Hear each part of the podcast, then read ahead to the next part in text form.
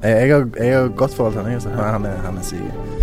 Han, Jeg tar dere imot, dere får kaffe. Nå mista jeg lyden i høretelefonene. Der kom de tilbake. Ja. Ja, det er hyggelig å være her. Jeg er glad i, i podkast som fenomen. Jeg må ut. hjemme mot Lyngen Karnes gikk de på et litt leit 0-19-tap eh, Oh. her. Hvilken det- divisjon snakker vi? Er det tredje eller fjerde? Fjerde, fjerde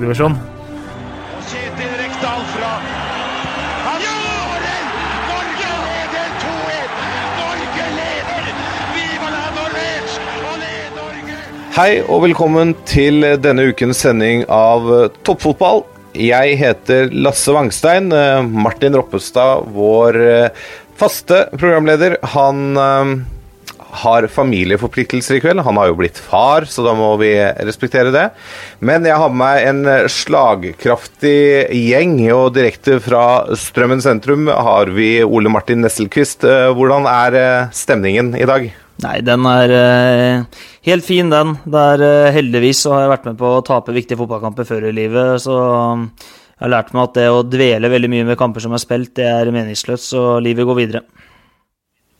Ja, for det er jo ikke til å komme utenom at dere tapte en bunnkamp borte mot Grorud på formiddagskampen onsdag. Tidligkampen onsdag. Eh, bare ta, vi tar det, og så er vi ferdig med det. Eh, hva, hva, gikk, hva gikk gærent? Eh, nei, vi var ikke gode nok, da. Det er jo det det, det ofte er i fotball når man ikke vinner kamper. Jeg syns uh, Grorud spiller en eh, god kamp. Uh, ikke overraskende. De har vært bra i mange kamper i år og også fått det dårlig betalt. Og vi hadde, var det beste laget i starten der og hadde muligheter til å drepe matchen. Burde slash kunne leda 3-0 etter 20-25 minutter, men gjør ikke det. og da da er jo fotballen sånn innimellom at, eh, at eh, kampbilder snur, og så eh, får vi et rødt kort som, som vi ikke er enig i, riktignok, men det, det er en del av fotballen, det òg. Så, så var det Grorud som stakk av gårde med, med tre viktige poeng. Så er det fire matchballer igjen for oss, så vi, vi har prestert godt, så vi er motivert vi for å ta flere poeng i tida som kommer. Det er bra. Og vi har ikke glemt han. Vi har med en mann eh, fra sjølveste nå. Jørgen Kjernås, velkommen. Tusen takk for det. Hva tror du? Klarer Strømmen seg i Obos-ligaen? Uh, ja, jeg tror det, men uh, det blir fryktelig jevnt nedi der. Og uh, jeg er ganske sikker på at vi får ganske mange lag som lever i spenning helt til siste sekund, omtrent. Det er jo mye interne oppgjør blant de fem, seks, sju lagene som fortsatt kan havne på den eh. Så blant annet så har ikke sant, altså, Strømmen, Jerv, Grorud og Stjørdalsblink har jo én kamp Altså de møtes jo i interne kamper som som at de har fire matcher igjen, mens de andre lagene i avdelinga har tre. Så Nei, det, det kommer til å bli veldig jevnt, og du kan fort liksom få en kvalik på sånn 33, 34, 35 kanskje poeng eh, fortsatt. Så det blir interessant å se. Det er gøy for oss som er nøytrale i Obos-ligaen. Eh, Det vet jeg at dere to ikke nødvendigvis er, da. Jørgen, du har vel et lite hjerte for Grorud, og Ole Martin, der trenger vi ikke å si. Jo, jeg, altså jeg håper jo Jeg har jo to lag i kommunen jeg bor i, og ett lag som jeg vokste opp et par busstopp unna. Men det er jo ikke noe sånn Jeg har jo ikke noen sånn voldsomme følelser, men jeg håper jo heller at vi får Grorud og Strømmen som jeg, som jeg holder til nære. Jeg håper jo de holder seg på bekostning av Jerv eller Stjørdalsblink eller lag som ikke jeg har det samme forholdet til. da. Det må jeg jo si. Oi, oi, oi, nå kommer Jørgen Kjernås til å få mye hat på Twitter. Jotjar, det er altså at Jotjar er eh, Twitter-kontoen til Jørgen, hvis dere skal slakte han for disse uttalelsene. Eh, I dagens sending så blir det kanskje delt ut eh, en tulipan og en kaktus, eh, og så har vi Pulsen i dag. Vi skal snakke om det såkalte nødlandslaget. Og så skal vi snakke litt om nødvendige eller unødvendige treningskamper i koronatid. Og så skal vi avslutte med litt lyttespørsmål. Nå må de faen meg skjerpe seg, så kommer jeg å rive hodet av hver enkelt av dem.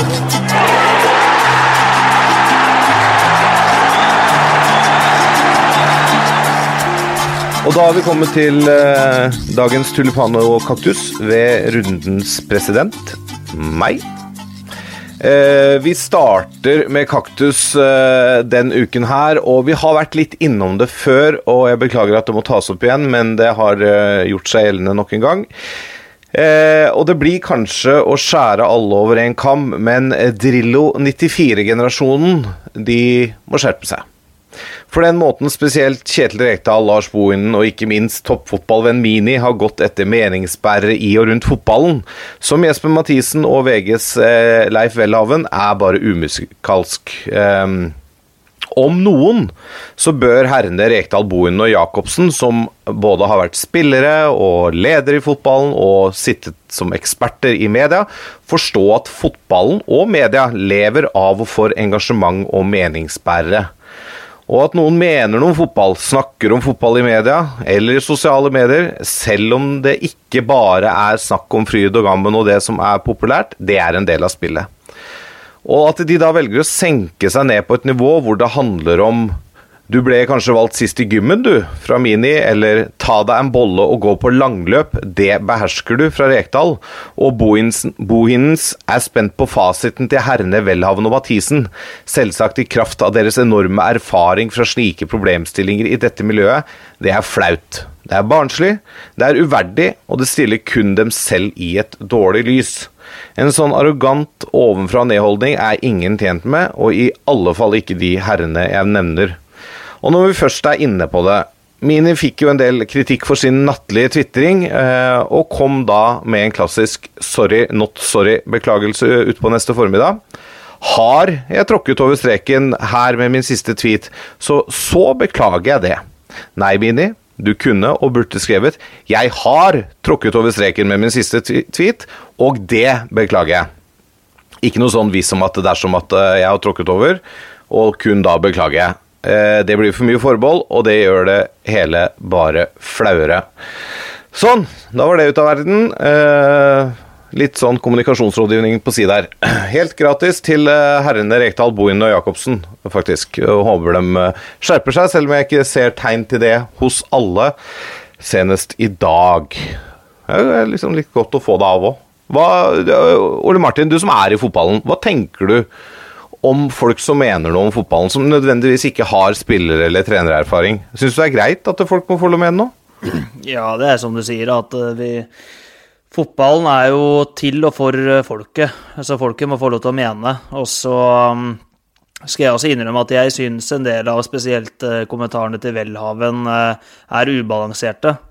Eh, så har ikke jeg personlig valgt å angripe ham på Twitter av den grunn. Eh, selv om jeg har hatt eh, lyst et par ganger til å skrive litt der, så har jeg foreløpig greid å holde meg unna. Men det, det, finnes vel fornuftige måter å ta det på, og så er jo Det hadde vært kjedelig hvis, hvis folk ikke skulle få lov til å mene ting.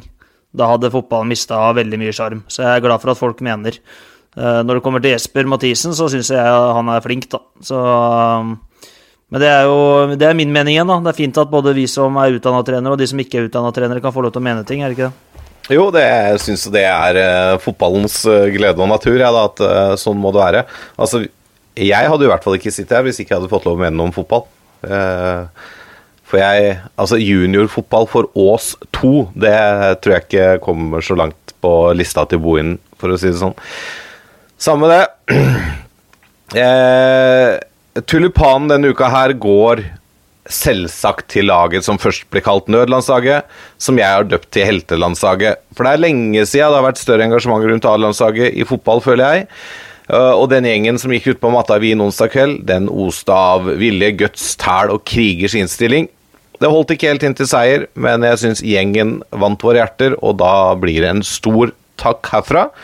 Og med det så setter vi over til pulsen, hvor vi skal snakke litt mer om dette landslaget. Nå kommer pulsen. Ja, da har vi kommet til pulsen, og vi tar opp tråden fra Tulipan og kaktus med det såkalte nødlandslaget. Eh, Jørgen Kjernås, hva tenkte du når du satt og så kampen i går kveld? Oi. Ja, nei, det er jo For det første, her har vi jo mye momenter. Jeg vet ikke om vi skal gå opp alt det. Men hva jeg tenkte eh, Jeg tenkte at for, Oi, for første gang på gud veit hvor lenge, så sitter jeg faktisk og har noe annet enn hvilepuls når jeg ser landslaget. Eh, det er klart Vi hadde jo f.eks. en veldig god kamp borte mot Nord-Irland for ikke så altfor lenge siden. Hvor vi jo var bunnsolide, men likevel Jeg, jeg, altså, jeg syns jo landslaget er veldig stas, og alt, men jeg sliter liksom med å få den derre ekte nerven i noe. Samme mot Serbia òg. Det var viktig, men jeg sleit liksom med å løsrive meg fra sofaen eh, likevel. Eh, I går så var jeg litt med. Det var lenge siden jeg har følt meg liksom som fotballsupporter, men akkurat den gjengen klarte det eh, faktisk i går. Så nei eh, All ære til de gutta som eh, takka ja og kunne og ville være med der, og for innsatsen deres. Og vel, altså det er jo en blanding av folk som har vært inn på landslaget, og folk vi kjenner godt, og så er det eh, folk som mener man ikke liksom har noe veldig forhold til. Jeg tror ikke du kunne lagd reportasjen 'Hva syns folk på Karl Johan om Julian Ryerson og Per Christian Bråtveits prestasjoner denne sesongen?' Det, det hadde ikke blitt noe god sak, det. Så det er jo spillere som folk ikke veit hvem er. Eh, ganske mange av dem. Sånn altså menigmann, da. Ikke, kanskje ikke våre lyttere. Våre lyttere er nok litt mer interessert enn gjennomsnittet der, men eh, eh, det viser jo også faktisk hvor god bredden er i norsk fotball da, for tida. Du har også en god del spillere som ikke var i noen av troppene, altså av forskjellige årsaker. da, altså Torgeir Børven, Tokmak Nguyen, eh, Thomas Rogne, Wajeba Sakur, for å nevne noen, som jo eh, kunne vært aktuelle for den troppen, men som av forskjellige grunner ikke spilte. Så går du liksom fire, fem, seks år tilbake, så ville en sånn nødlandslagstropp sett betydelig verre ut, tenker jeg. Eh, og går du ti-tolv år tilbake, så hadde det nesten vært sånn studenter som spiller fotball eh, på nivå tre i Skottland sammen med et par superettan-spillere, liksom. Dinko Felic kunne vel vært eh, Nei, Dino Felic kunne vel vært en sånn fyr som hadde kommet med da. Så eh, For det er jo ikke noe sånn Det er jo ikke noe sånn der, Det er jo ikke en gjeng med liksom totalamatører vi har sendt på banen. Vi sender inn på folk som spiller for Sampdoria og eh, Og andre habile lag, ganske mange av dem. Mm.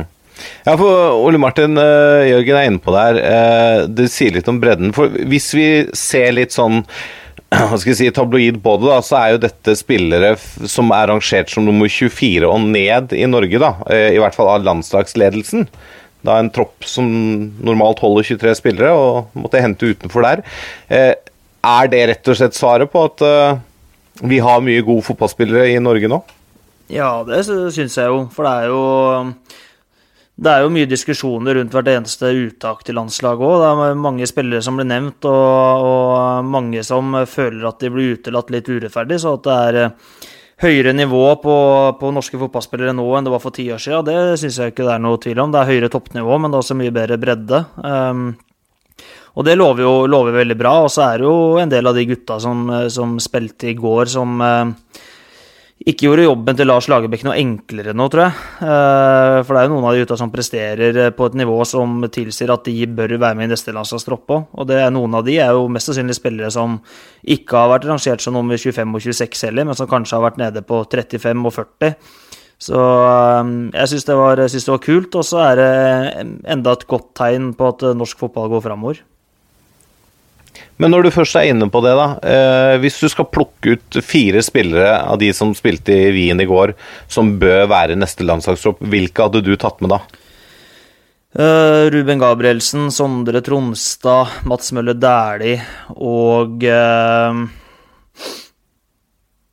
Tja Nei, Siste Siste kan vel sikkert være flere, men jeg syns i hvert fall de tre markerer seg på en veldig god måte. Mm. Ja, for det eh, nevner Ruben Gabrielsen, da. Eh, Tore Reginussen har takka for seg på landslaget. Eh, vi har jo Ayer som en sånn kanskje nummer én-mann i forsvaret der. Nå spilte Stefan Strandberg forrige gang. Det er litt åpent der om den siste stoppeplassen kanskje på landslaget nå? Ja, det tror jeg absolutt, absolutt det er. Det har jo vært litt òg, da. Det har jo vært en diskusjon og noe mange, har vært litt spente på, hvem som skal spille ved siden av Ayer. Og så er det jo Det er ikke sikkert at Ayer er rangert som nummer én ut ifra nivået nødvendigvis heller, for han er fortsatt ung, men at, eh, at han bør dyrkes der og få tillit, for han kommer nok til å bli best og kan være en bauta i, i de neste 10-12 åra. Det er nok, eh, er nok eh, sikkert. Men eh, jeg syns i hvert fall Gabrielsen la inn en veldig god søknad i går. Én ting er jo, er jo måten han spiller på, men jeg syns han fremstår eh, både før og etter kampen, men også underveis, som en veldig solid ledertype. Som, som evner å samle de spillere også underveis i kampen. Så jeg syns det var kult å se på. Får jeg nevne, ja, får jeg nevne først også, Det har jo vært meldt mye på Twitter eh, siste ukene, men Ruben Gabrielsen vant jo Twitter. Det kan jeg slå fast.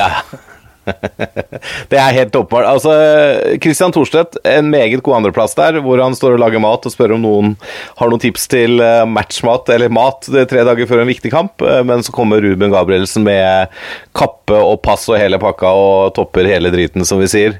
Eh, Ja, Helt nydelig. Sjekk det ut på Twitter. Eh, Men Jørgen, er det noen spillere som eh, Ole Martin eh, ikke nevnte, som du tenker at du bør være med i neste tropp? Ja, jeg syns jo han hadde de tre navnene som er kanskje mest åpenbare. Så syns jo jeg eh, Veton Berisha som et spissalternativ som gir deg den derre total Altså innsatsen og fanteninnholdskheten og vondhet å møte. Klart, nå har vi jo relativt solide spisser og bedre spisser enn vi har hatt på 20 år, så det er jo ikke lett å komme seg inn der, men som et fjerdevalg, eller hvis en av de andre eh, tre spissene skulle være utilgjengelig, så syns jeg jo han også eh, viser at han gir jo noe annerledes der som eh, ikke så mange andre kan eh, nødvendigvis tilføre på topp, da.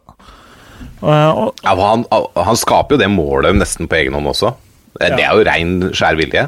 Ja, ja. Eh, han som sa, altså, Du veit jo hva du får av han, og det, det er ikke alle som kan gjenskape det du får av Berisha der. Så, eh, og så syns jeg jo altså En spiller som Fredrik Ulvestad leverer jo stabilt no, stødig nok til at han Han har jo hatt en bunnsolid sesong i Allsvenskan igjen. Er oppe i elleve skåringer. Var god sist sesong òg. Kan spille i mange posisjoner og er vel kontraktsløs om halvannen måte. Jeg, Jeg, jeg blir overraska hvis ikke han får en sjanse i en hakket bedre liga enn Allsvenskan. Det må jeg si. Eliteserie, med andre ord. Ja, det blir eksempel. gøy å få han til Valle, da. Litt av retur til Ålesund og Obos-ligaen, kanskje? Ja, ja, ja. Bytte ut han med Lekeren i Vålerenga.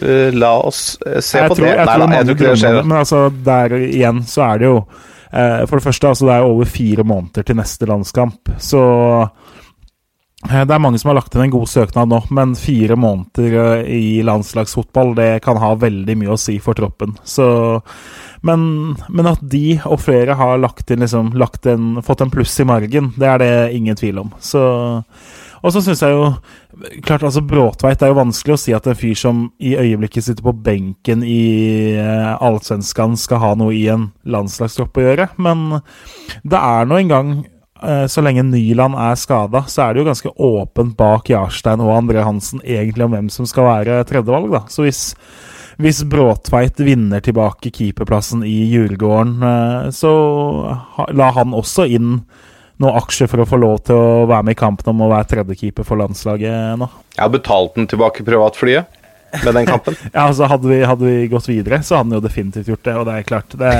eh, Anders Kristiansen, som jo var det andre alternativet, sitter vel på benken i, på nivå to i Belgia, vel. Så uten å ha sjekka veldig hvor mye han har spilt. Eh, ikke noe tvil om at eh, Bråtveit var det beste alternativet der. Så det, det var jo så klart helt riktig. Uh, jeg har ikke sett noen problematisere det privatflyet veldig innstendig. Det er jeg enig i.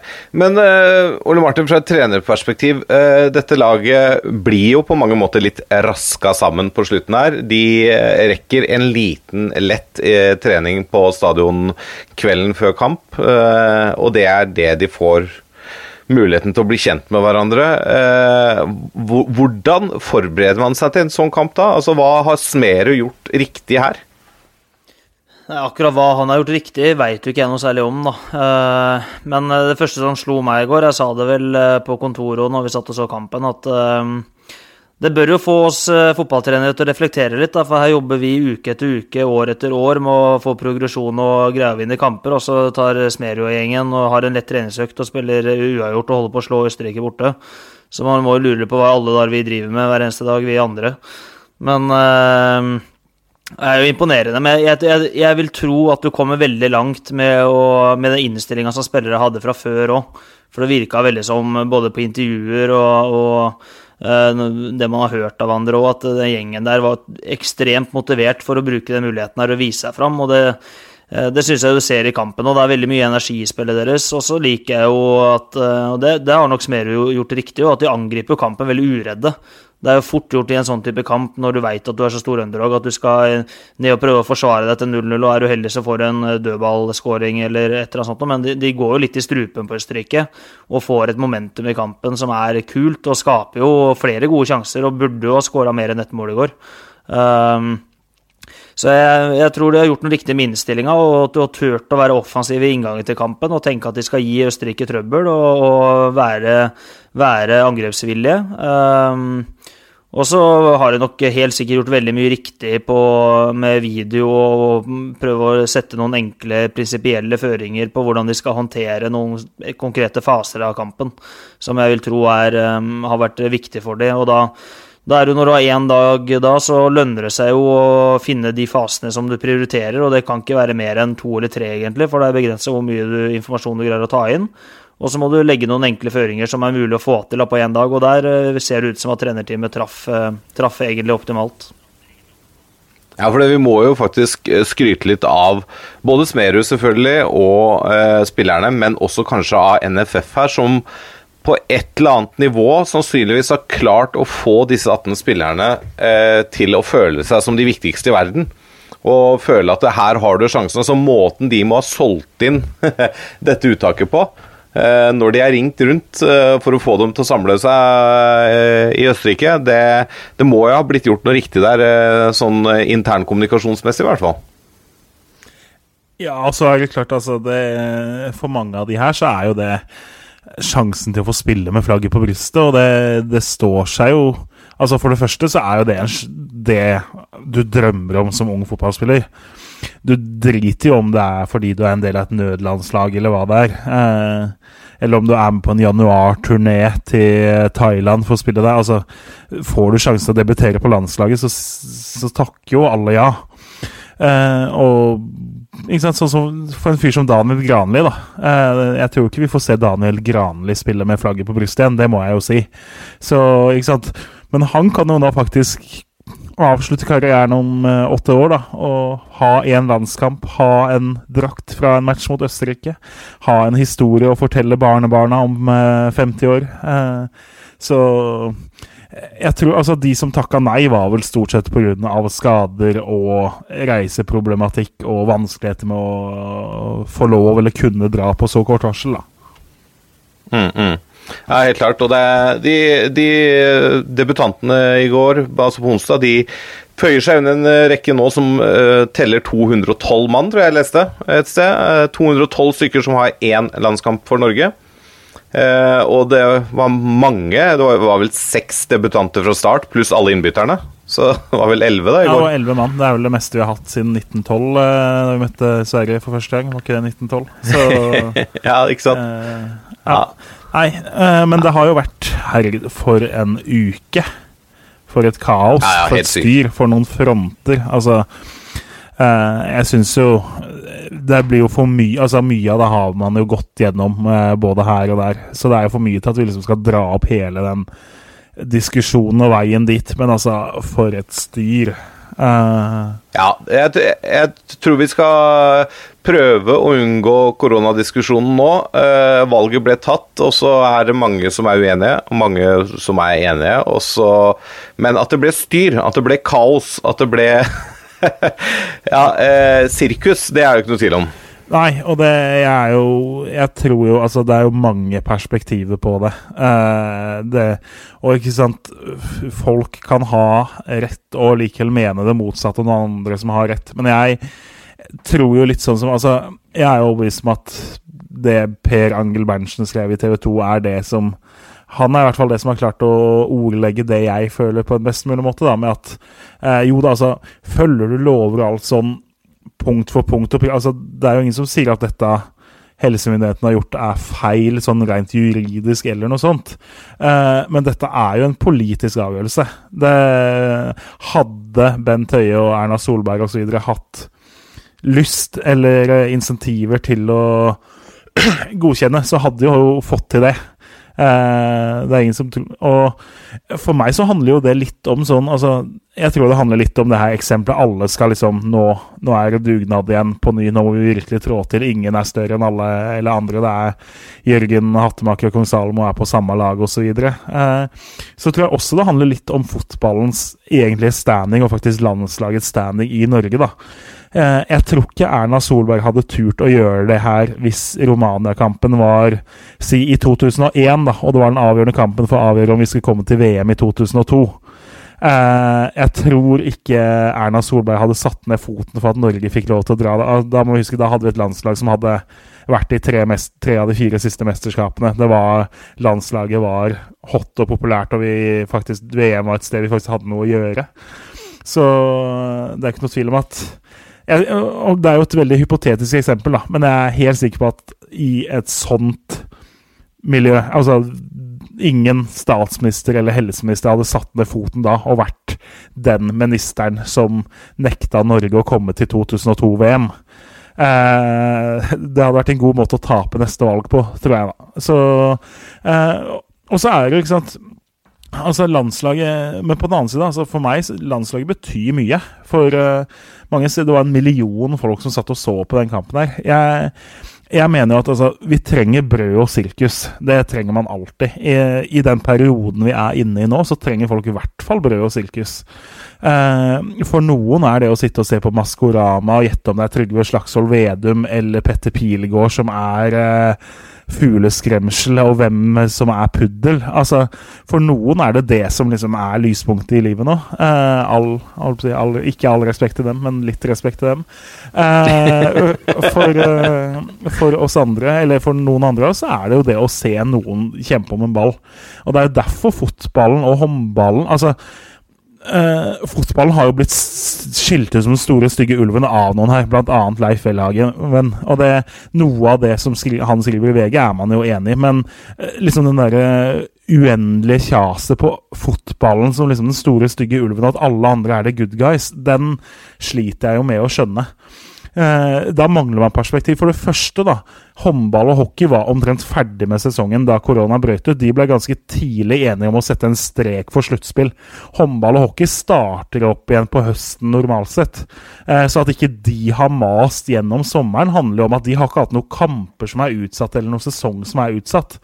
Eh, hadde koronaen kommet nå i september, så hadde jo håndball og ishockey stått mye mer på barrikadene, de, sammen med fotballen. Og fotballen når det kommer en overskrift liksom, at fotballen Altså det her, man, Fotballen liksom bare tenker på seg sjæl, og det blir så Jeg tror mange føler seg såra, da.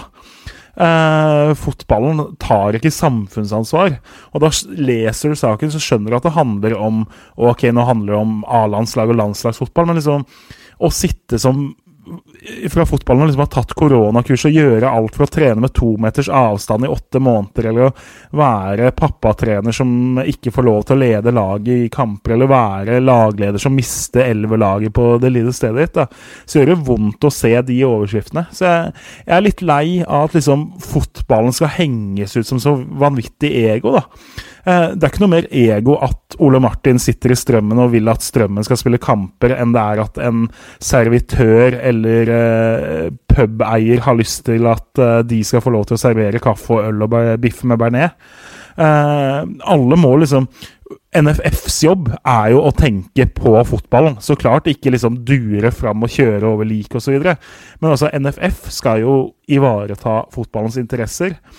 Uh, så så nei, jeg, jeg syns akkurat, akkurat, den siden med det, liksom at oi, nå kommer disse egoistiske fotballspillerne og får kreve å spille fotballkamper i denne perioden, den vinklinga irriterer jeg meg fryktelig over.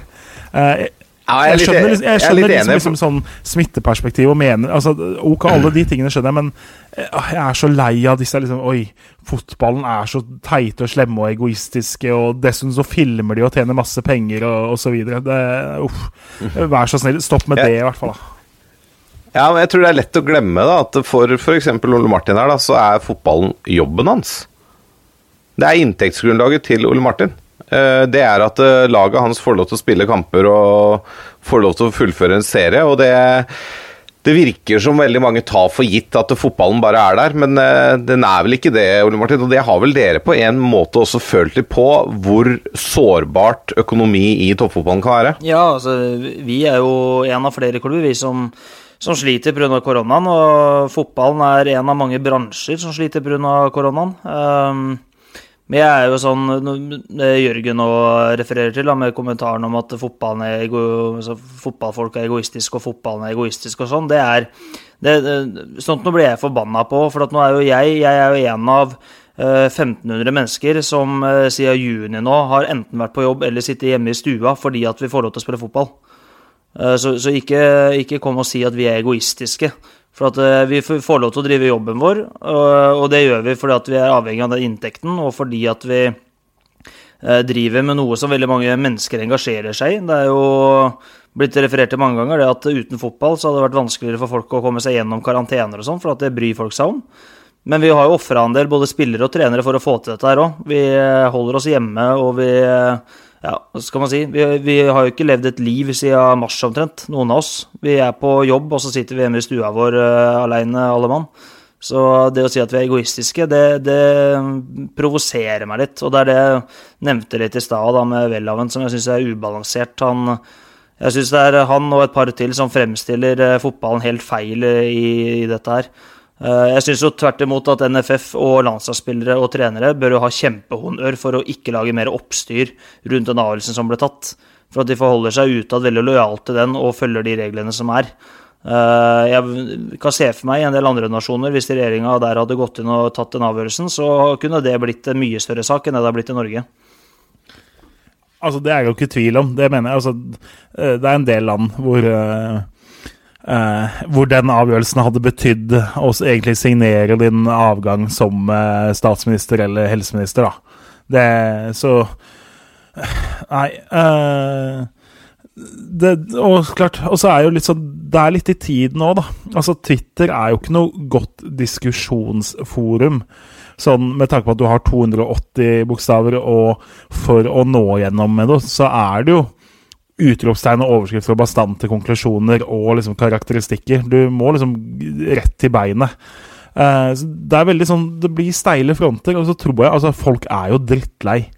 Du ser jo det på sånne andre ting, sånn som den her eh, Hva er det den heter? Linn Vik? Line Vik, eller noe? Hun som skrev den der eh, ikke veldig solide uh, greia um, om diktatur, men likevel, altså Folk går jo helt av skaftet, da. Liksom, ok, det var en dårlig sak, og det å kalle det diktatur er tåpelig sånn, men det er liksom Du skal liksom kappes om å være den som blir mest indignert eller uh, oppgitt, og, eller liksom nå nye topper for hvor tåpelig den teksten er, da.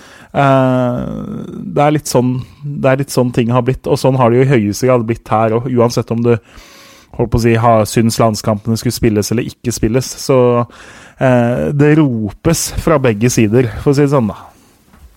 Ja, det gjør det.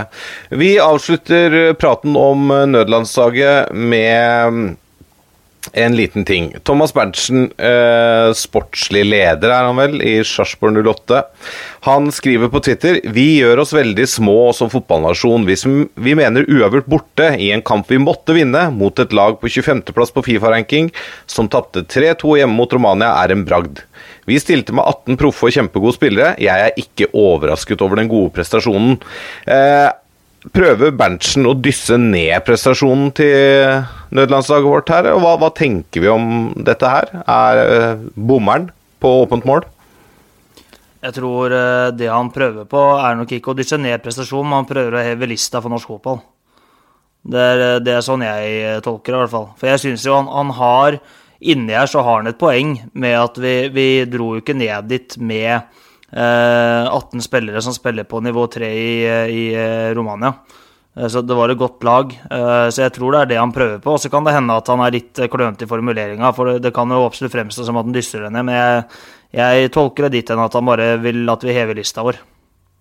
Men det kan hende Jørgen tolker annerledes. Nei, altså, det er jo litt sånn Og så er det jo Altså, igjen, så eh, på Twitter, altså, skal du nå gjennom, så må du jo ofte melde noe som er, skiller seg litt ut, det, men litt av poenget er jo litt det vi snakka om. Det er jo faktisk gode spillere vi dro dit med. Uh, hadde det vært uh, Super-Ettan-gjengen og enda verre mannskap vi stilte med, uh, så, så hadde det jo vært sånn ordentlig Hollywood. Uh, det er klart vi var solid underdog, da. Eh, det er sjelden Norge er så solid underdog og faktisk får med seg noe.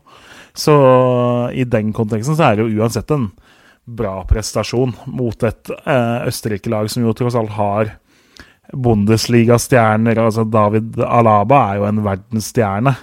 Så eh, Nei, jeg, jeg, jeg klarer liksom igjen Jeg klarer ikke å bli liksom helt Jeg er jo ikke helt enig, men jeg, jeg tolker den liksom ikke i verste mening heller, da, på en måte. Nei. Da legger vi nødlandslaget til eh, side for nå, og så går vi til eh, Rosenborg ballklubb.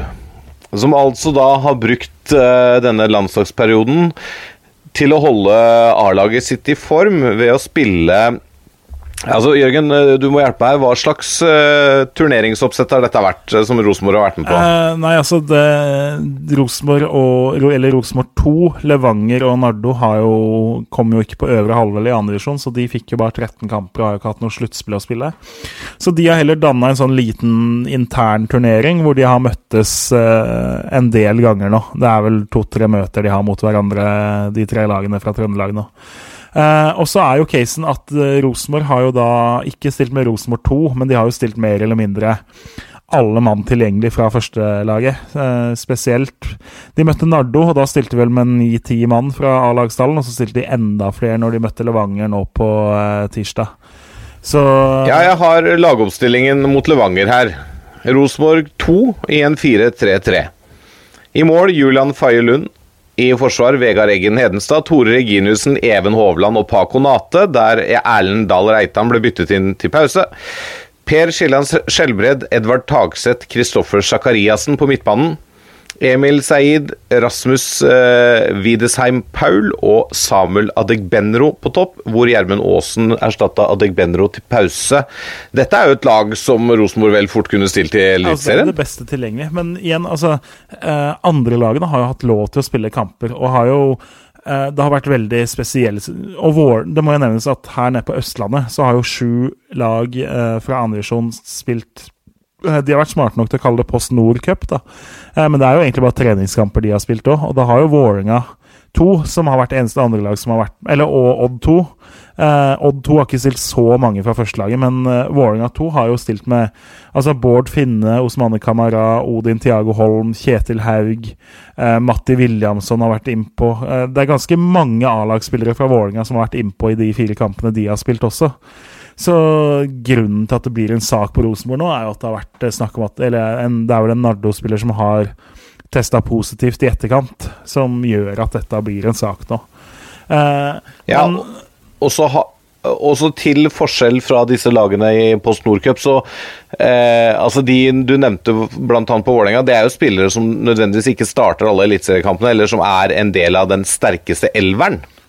Ja, uh, og så er det jo dette med Ok, du skal ikke blande liksom Quart fra Eliteserien som skal møte Anders, men altså andre lagene har jo stilt med A-spillere som normalt. Det var litt usikkerhet i starten, hvor Odd 2 valgte å bare stille juniorer i første kamp borte mot Fløy fordi de var litt usikre på reglene der. Men eh, det har vært en miks av spillere fra A-lagsstall og andrelagsstall for både altså, Både Rosenborg, Vålerenga og Odd har gjort det gjennom de fleste kampene denne sesongen. Miksa fra kohorter. Eh, så jeg klarer helt ærlig talt ikke å se den store greia og hva som er annerledes her, annet enn at Rosenborg har stilt med 13 mann fra A-stall istedenfor 3 eller 4 eller 5, da. Eh, som Vålerenga har også stilt med 4, 5, 6, 7 mann i sine. Så eh, Så nei. Skulle, skulle dette ikke vært lov, så måtte det jo vært sånn. Da måtte, kunne jo ikke andre lagene stilt med eh, disse spillerne. Og det er jo andre som bytter. Altså, det finner det, ah, Åsanes damelag i første divisjon stilte med en 15-åring i mål her. Hun hadde spilt uh, juniorkamp tre dager tidligere, f.eks. Så det er jo ikke noe sånn at topplagene er de eneste som har spillere som bytter mellom to lag. da. Det har blitt litt mer aksept for det utover i sesongen, mens det var litt uklart i starten og litt krav om kohorttilhørighet og sånn. Så, så nei, jeg, jeg, jeg, er ikke blant de som sager Rosenborg der. Men det er jo litt typisk Er det storm i altså. vannglass? Jeg, sånn, altså Disse reglene er jo vel De har vært litt vanskelige å ikke å tolke nå, men altså Så lenge andre lagene har lov til å stille med A-lagsspillere. Men det er klart for Rosenborg så ble det jo ikke et andrelag, det var jo førstelag som spilte. Eh, så altså, hadde Rosenborg brukt fem, seks, sju mann istedenfor 11, 12, 13, så hadde det vært veldig uangripelig. Nå skjønner jeg at de får litt kritikk, men det er ikke Om ikke storm i et vannglass, så storm i et uh, litt ja, Storm i et Hva heter glass som er litt større enn vannglass, står Storm i et melkeglass, da. ja.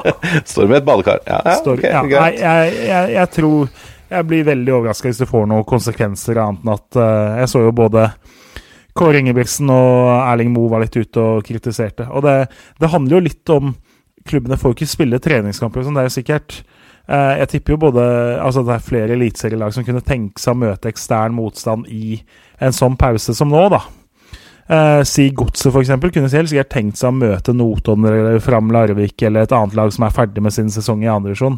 Uh, eller møte et lokalt tredjedivisjonslag bare for å få matching, og så er ikke det helt lov. Så liksom ved å, ved å kalle det Rosenborg 2, så har man kanskje snike litt inn andre laget til å få treningskamper, da. Det er det mest kritikkverdige. Ja. Ja, det er greit. Og det er vel eh, både en i Molde og en trønder i Bergen som er litt programforplikta til å kritisere Rosenborg for dette. Rivaler som de er.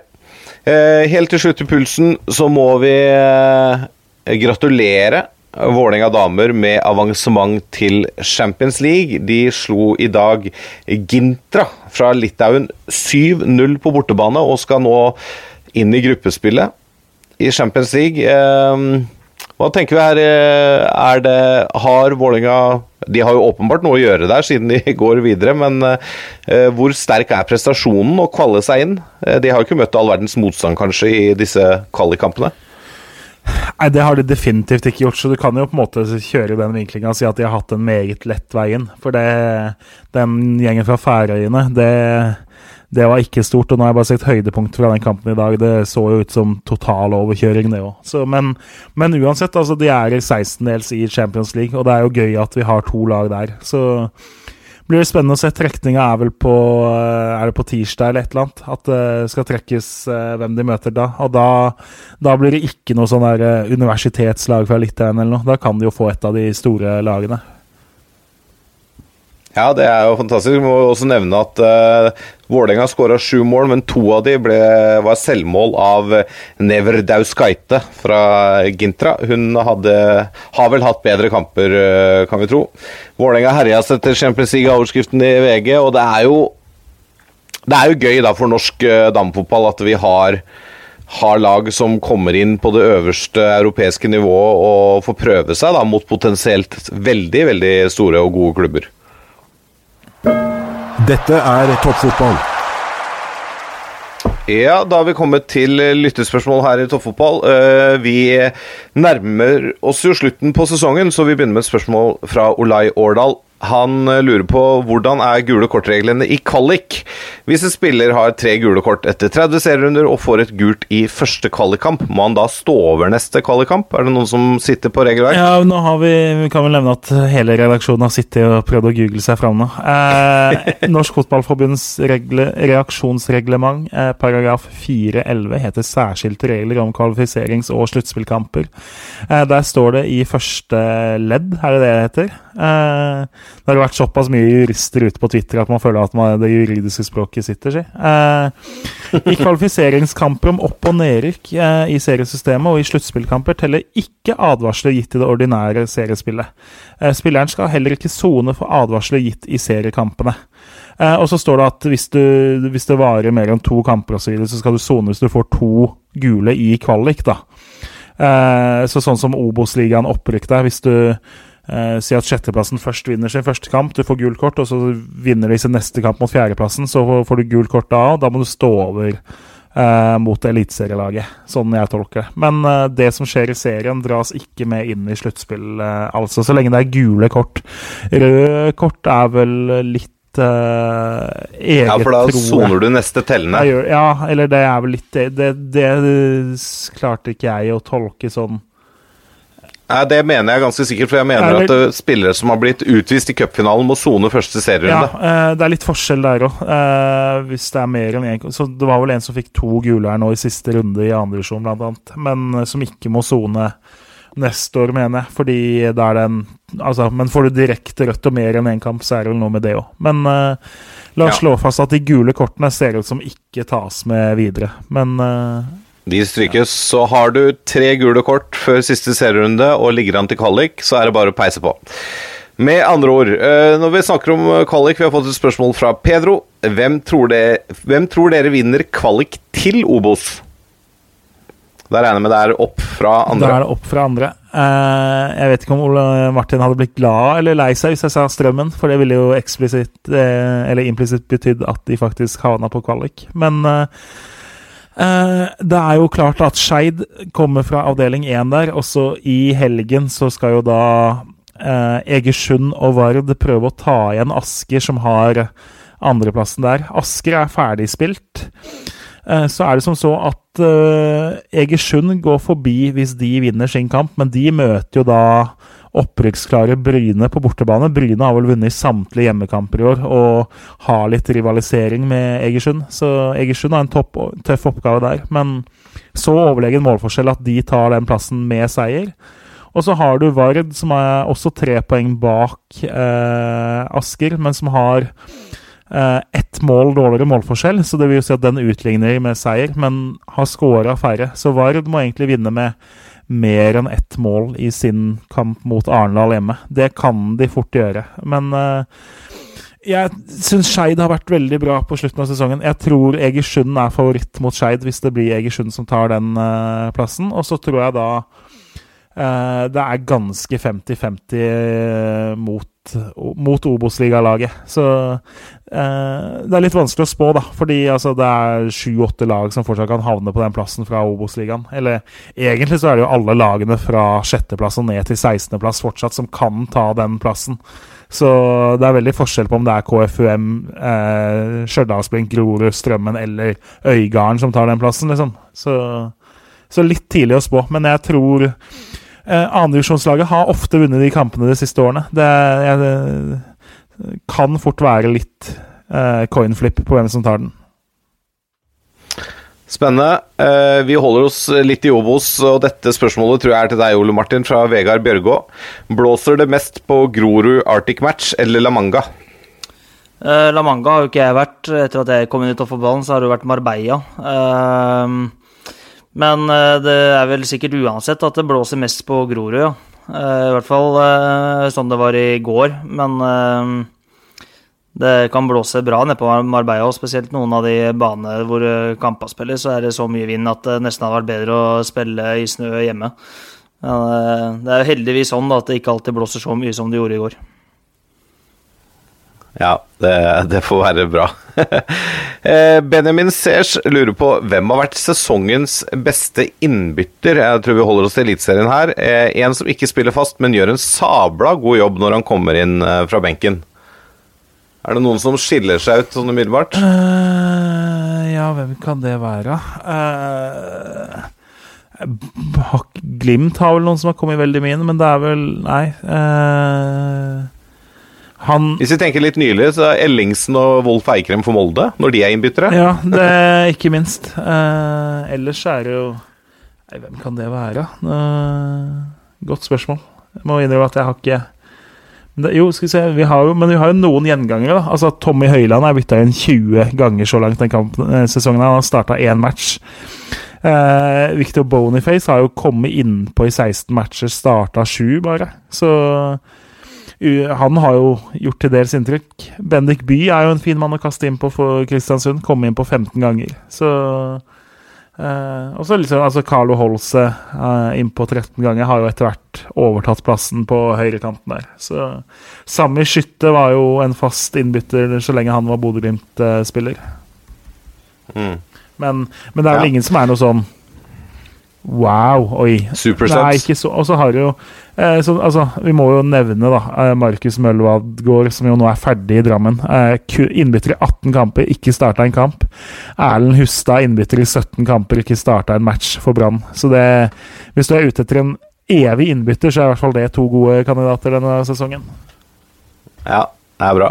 Eh, Nordli Conti 6 han vil at vi skal gi litt heder til nødlandslaget. Det har vi gjort. Eh, men han lurer på bør landslagsfotball settes på vent nå for å berge nasjonale serier. Og det gjør vel landslagsfotballen, for det er vel fire måneder til neste. Men eh, burde den blitt satt på vent tidligere da, for å berge, berge nasjonale serier?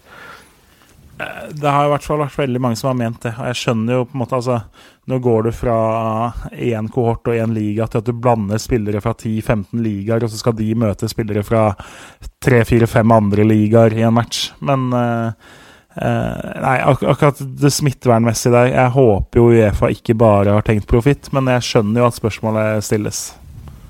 Mm. Vi følger opp med nødlandslaget. da. Jørn Henland lurer på om vi har et annet navn enn nødlandslaget som kan brukes. Covid-kameratene er foreslått fra Jørn. Har vi noe, jeg sa jo heltelandslaget, eller hva jeg kalte dem. Har dere noen gode forslag? Nei, uh, nei altså Nødlandslaget høres jo litt sånn negativt ut, egentlig, men det er jo Jeg syns det, det, gjør jobben. Men uh, Uh,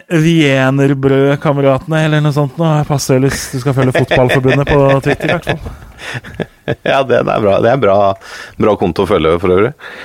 Eh, Jonny Normann Olsen, sånn apropos Skeid og landslag. Eh, hva tenker dere om at TV 2 alltid vet lagoppstillingen til landslaget flere timer før kamp?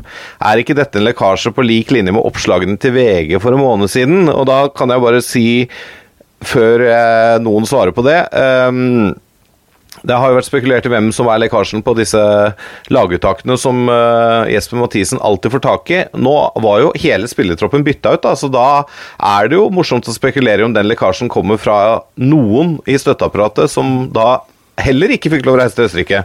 Ja, men altså, sånne ting kan jo gå via via òg. Eh, hvis TV 2 hadde hatt én spiller inne, så sitter jo disse spillerne sannsynligvis på WhatsApp og Messenger dagen før og snakker sammen, de, og liksom bare spør hvordan ser laget ut i morgen. Så få, altså, jeg er ganske sikker på at ganske mange av de som var i den opprinnelige troppen, visste laget. Eh, fordi de snakker og kjenner de spillerne. Og så var vel treninga sånn at eh, media, både VG og TV 2 og andre, var på stadion vel på den treninga de hadde i Wien, og da klarer du jo å lese ganske tydelig egentlig ut fra en sånn trening hvem som ser ut som de skal starte kampen. da. Så jeg tror det er litt blanding av både via via og at de har hatt folk på plass som har brukt eh, øya sine eh, til å faktisk se.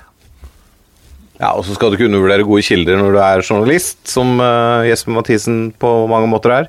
Eh, men Ole Martin, du som trener. Uh, hvor viktig er det at motstanderlaget ikke får vite hvem du stiller med? Altså, jeg har jo selv opplevd trenere som ikke vil legge ut uh, spilletroppen engang dagen før kamp, eller setter inn spillere i troppen som er helt uaktuelle, for å prøve å lure motstanderen. Uh, hva tenker du om uh, sånne taktiske grep? At uh, det er litt overvurdert at det skal være så hemmelig. Uh, for det er veldig sjelden man blir overraska likevel. Så jeg tenker at det utgjør veldig lite. Det var Ullkise hadde jo en greie i fjor hvor de la ut eh, laget på nettsida si dagen før kamp. Um, og det var vel um, Jeg tror verken de vant eller tapte på det. Jeg tror ikke det hadde noen ting å si. Så um, jeg tror hele greia der er litt, litt overvurdert. Uh, så skal det sies, da, når man sammenligner de to lekkasjene, så vil jeg si at det også er en vesentlig forskjell på lekke ut det som skjer på et uh, spillemøte uh, kontra et laguttak. For det tipper jeg at jeg, jeg, nekter å tro at det er én kilde som Jesper bruker hver gang på et laguttak. For det er nok som Jørgen sier, at fotballspillere prater med hverandre, og de prater med familie og venner, og så er det nok ja, Et døgn før kampen starter, så er det nok ganske mange hundre mennesker som veit hvem som starter for Norge. Så jeg tror jeg tror ikke det er så farlig heller. Jeg tror ikke det er eh, noe som landslagsledelsen plages veldig over heller. Det må jo legges til at så lenge da landslagssjefen faktisk vet selv hvem han skal starte med, da ikke finner ut at han skal dytte en midtbanespiller på topp i en helt avgjørende kvalikkamp i Ungarn, f.eks., etter å ha fått et innfall noen timer før kamp, da er det ikke så lett å spå. Eh, så hell, la oss si at heldigvis er lagene litt lettere å spå nå enn eh, når det er spontane innfall fire timer før kamp. Ja, det, det, er jeg enig i. Vi avslutter med et spørsmål fra Rudboy84, også kjent som Bjørn Rudsagen. Han vil at vi skal sette opp et nødeliteserielandslag. Og da tenker jeg i hvert fall eh, Jeg begynner med ene spissplassen, Veton Berisha. Ja, den, eh, den, skal du få. Uh, den skal jeg få. Og så må vi da droppe de fem som var tatt ut i den opprinnelige troppen, da. ja, det må vi jo. Uh, nei, altså kan vi ikke gå på Bodø-Glimt? Eh, kan vi ikke bare sørge for noe pass til Samstedt og de Nei, altså, I mål, da, så er det jo litt sånn Ok, Rossbakk og Hansen kunne ikke vært med. Eh, jeg tenker jo sånn at uh, Claesson har stått på U21. Claesson har stått ganske bra for Vålerenga. Han hadde vel fort vært en av de som var med der, tipper jeg. Og så litt, litt ja. mer opp, kanskje Altså, kanskje Viljar Myhra hadde vært med, fordi han også tross alt er ung og har hatt en solid sesong. Det er liksom litt mer fristende å ta med han en sånn Iven Austbø-type eh, eller noe sånt noe. Så jeg tror kanskje Claesson hadde stått i mål, og så hadde Viljar Myhra sittet på benken der, tror jeg, på keeperplass. Så ville vel en frisk mhm. Håkon Oppdal blitt vurdert pga. rutine og at han har vært med på det før, muligens? Ja, kanskje. Uh, i forsvar så syns jeg altså venstrebekken er vel åpenbar. Den måtte, altså Fredrik Bjørkan og Birk Risa hadde vel fått kjempe om den. Klart, eh, Bjørkan mm. er lett å tenke seg at hadde vært førstevalg, men Risa har jo vært kaptein for Smerud og spilt mye i mange posisjoner på U21. Men at begge de to hadde vært med i troppen, hadde vel vært eh, en veldig lavoddser, vil jeg si. Ja. Høyrebekk, da? Eh, altså, da har jo, altså, Borchgrevink har hatt en bra sesong, er ung. Espen Ruud har rutinen. Skal ikke se bort fra at mm. begge de to fort kunne vært tatt ut uh, i den troppen. Vegard Eggen Hennes har vært der før? Ja, men mista litt plassen på Rosenborg. Men altså, ja. eh, så klart han er en kandidat. Og så har du jo litt sånn som Niklas Mikkelsson også, som har spilt på U21 nå, da. Som kunne vært eh, tatt ut. Holmgren Pedersen i Molda, hvis det, dette hadde vært i sommer? ja, igjen. Eh, også, også, en kandidat der, eh, absolutt. Men han har jo ofte sitter på benken til fordel for Mikkelsson på U21, blant annet. Da. Så ja. det er klart har, du har en fire, fem, seks jevne kandidater. Så det har du. På stoppeplass eh, også så har jo eh, en del eh, forskjellige valg. Altså, jeg syns jo både Ivan Nesberg og Bjørn Inge Uktvik har vært solide nå, burde vært i en sånn Uh, vært nevnt. Ja Amankwa, et uh, navn som også seiler opp der. Odin Bjørtuft, vært solid i Odd. Uh, da må vi jo tenke Og så er Brede Moe er skada, Marius Lode var i Rakk å være innom troppen, så de uh, Ingen av de kommer med. Uh, nei, jeg tror, altså, jeg tror, tror fort ja. Nesberg hadde, hadde, vært i troppen, det er jeg ganske sikker på. Så måtte ha hatt litt rutine, så Amankwa f.eks. kunne fort ha kommet inn. Even Hovland hadde vel sikkert nesten vært med, siden han tross alt har vært i landslagstropp ganske nylig. Uh, jeg tipper du er på de tre da, og så ja. Ja, Svenne, da har vi jo en midtbane, da. Uh, hvis vi setter opp fire stykker, en høyrekant, en venstrekant og to sentrale først, da. Uh, det ville vært veldig rart hvis Ulrik Saltnes og Kristoffer Sakariassen ikke kommer i den troppen, må jeg si. Ja. De kan... Kanskje til og med Magnus Wolff Eikrem? Ja. Uh, Klart det er jo litt sånn ok, jeg erklærer meg 30 år og holder kanskje ikke 90 minutter, men altså Han burde jo vært med i en sånn tropp. Det ville vært eh, rart å ikke ha med en sånn spiller med en sånn X-faktor, da. Så de tre burde jo vært med, eh, definitivt. Ja. Eh, da har vi ja, nei, ellers, Høyrekant, ja, altså, tenker, altså, hos Fredrik Aursnes hadde vel fort også burde vært inne i en sånn tropp. Men, ja, han kunne jo spille litt kant òg. Ja, altså som én av to sentral på midten, så mm. eh, Klart det er mange av dem som altså Både Saltnes og Zakariassen hadde vært best i en 4-3-3, men jeg tror ikke de hadde hatt vondt av å ha Aursnes der heller, så jeg tror de hadde vært med. Ja, eh, høyrekant, da? Eller, eller kantposisjoner, da? Pellegrino må vel inn? Ville vært rart igjen hvis ikke Pellegrino kom i en sånn tropp. Da kan han i hvert fall legge landslagsdrømmen på hylla, hvis han ikke hadde kommet med i en eliteserietropp nå. ja, det er, det er sant. Pellegrino han, han banker vi inn på venstrekanten. Trekke inn der og kølle ned motsatt. Det er han jo flink på, selv om kanskje bedre 4-3-3 han også. Ja, det, men, men igjen, kunne fort eh, fått lov til å spille på topp og på et sånt lag, tror jeg. Mm. Hadde, selv om han er skadeplaga og mista plassen i Rosenborg, hadde Pål André Helland vært med her? Nei. Pga. foten? Det hadde jeg vært veldig overraska over hvis han kom kom her, egentlig. Ja. Uh, Hvilke andre på høyre, høyrekant har vi? Ja? Syme Butichi er vel Er ikke han klarert for Norge, eller glem, går jeg meg helt bort nå i nasjonaliteter og eller pass og sånn? Ja, det er jeg usikker på. Men vi, vi, Så lenge han er med fare for at jeg nå glemmer noe uh, der, ja. så mener jeg at han er åpenbart med. Aron Dønnum bør vel Men uh, kantposisjon fort å tenke. Kristoffer mm, Welde får vi ta med òg, da. Ja, men han er jo igjen men, han, har jo, han, har jo, knapt vært på U21, liksom. Så det man må jo tenke Ja, altså, men det, nå var altså, jo på enig, slutten av U21-alder. Ja. eh, ikke sant, Emil Bohinen hadde sannsynligvis vært med så lenge han var skadefri i en eh, sånn tropp. Kitolano J der, da? Eh, enig der òg, selv om igjen, mm. eh, igjen skulle man tenkt 4-4-2. Kanskje ikke helt like enkelt der å eh, finne den naturlige plassen for han, da. Men eh, ja, eh, enig likevel. Og så Nei, hvis du begynner å gå på topp, så har du litt altså eh, I tillegg til Berisha og at Pellegrino potensielt skulle spilt der, så er det jo litt mer åpent bak de, egentlig tror jo kanskje fort du kunne fått se Ohi i, i troppen da, som uh, har vært så Og snust og vært litt aktuell før, uh, og er såpass bra. Så jeg tror han tror han hadde vært tatt ut. Og så ser jeg jo for meg at Lars Jørgen Salvesen potensielt er en spiller som kunne vært med som et alternativ i en 18- eller 20-mannstropp der, da. Mm.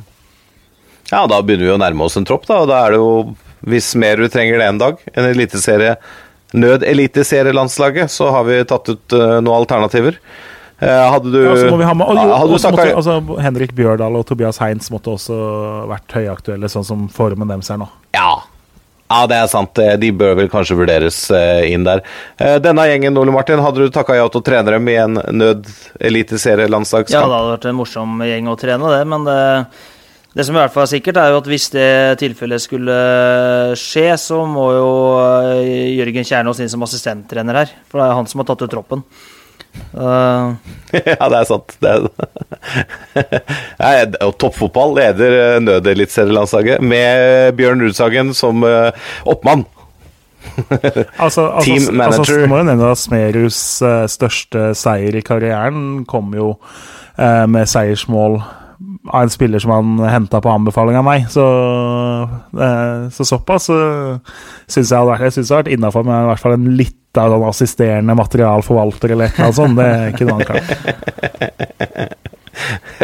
Jeg tar plassen til Svein Graff som eh, landslagets pressesjef, selvfølgelig. Og hvor skal vi sette Roppestein i miksen her, da?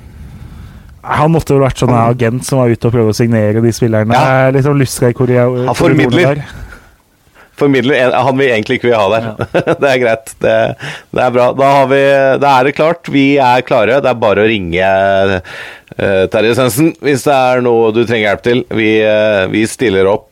Nei, gutter, jeg tenker vi sier det er greit for denne gang, jeg. Ja. Uh, denne gjengen her er toppfotball på Facebook, Instagram og Twitter. Send oss gjerne meldinger eller innspill eller spørsmål der. Og du kan også bruke e-posten vår, som er Toppfotball at 451.no. Eh, det nærmer seg slutten på den norske fotballsesongen. Det er spennende i topp og bunn, både i Eliteserien og Obos, og det er noen andredivisjonslag som skal kjempe om kvalifisering til Obos. Det, det, det, blir spennende i disse snart førjulstider.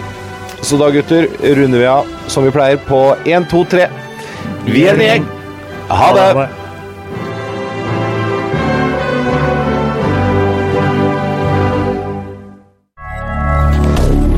Moderne media.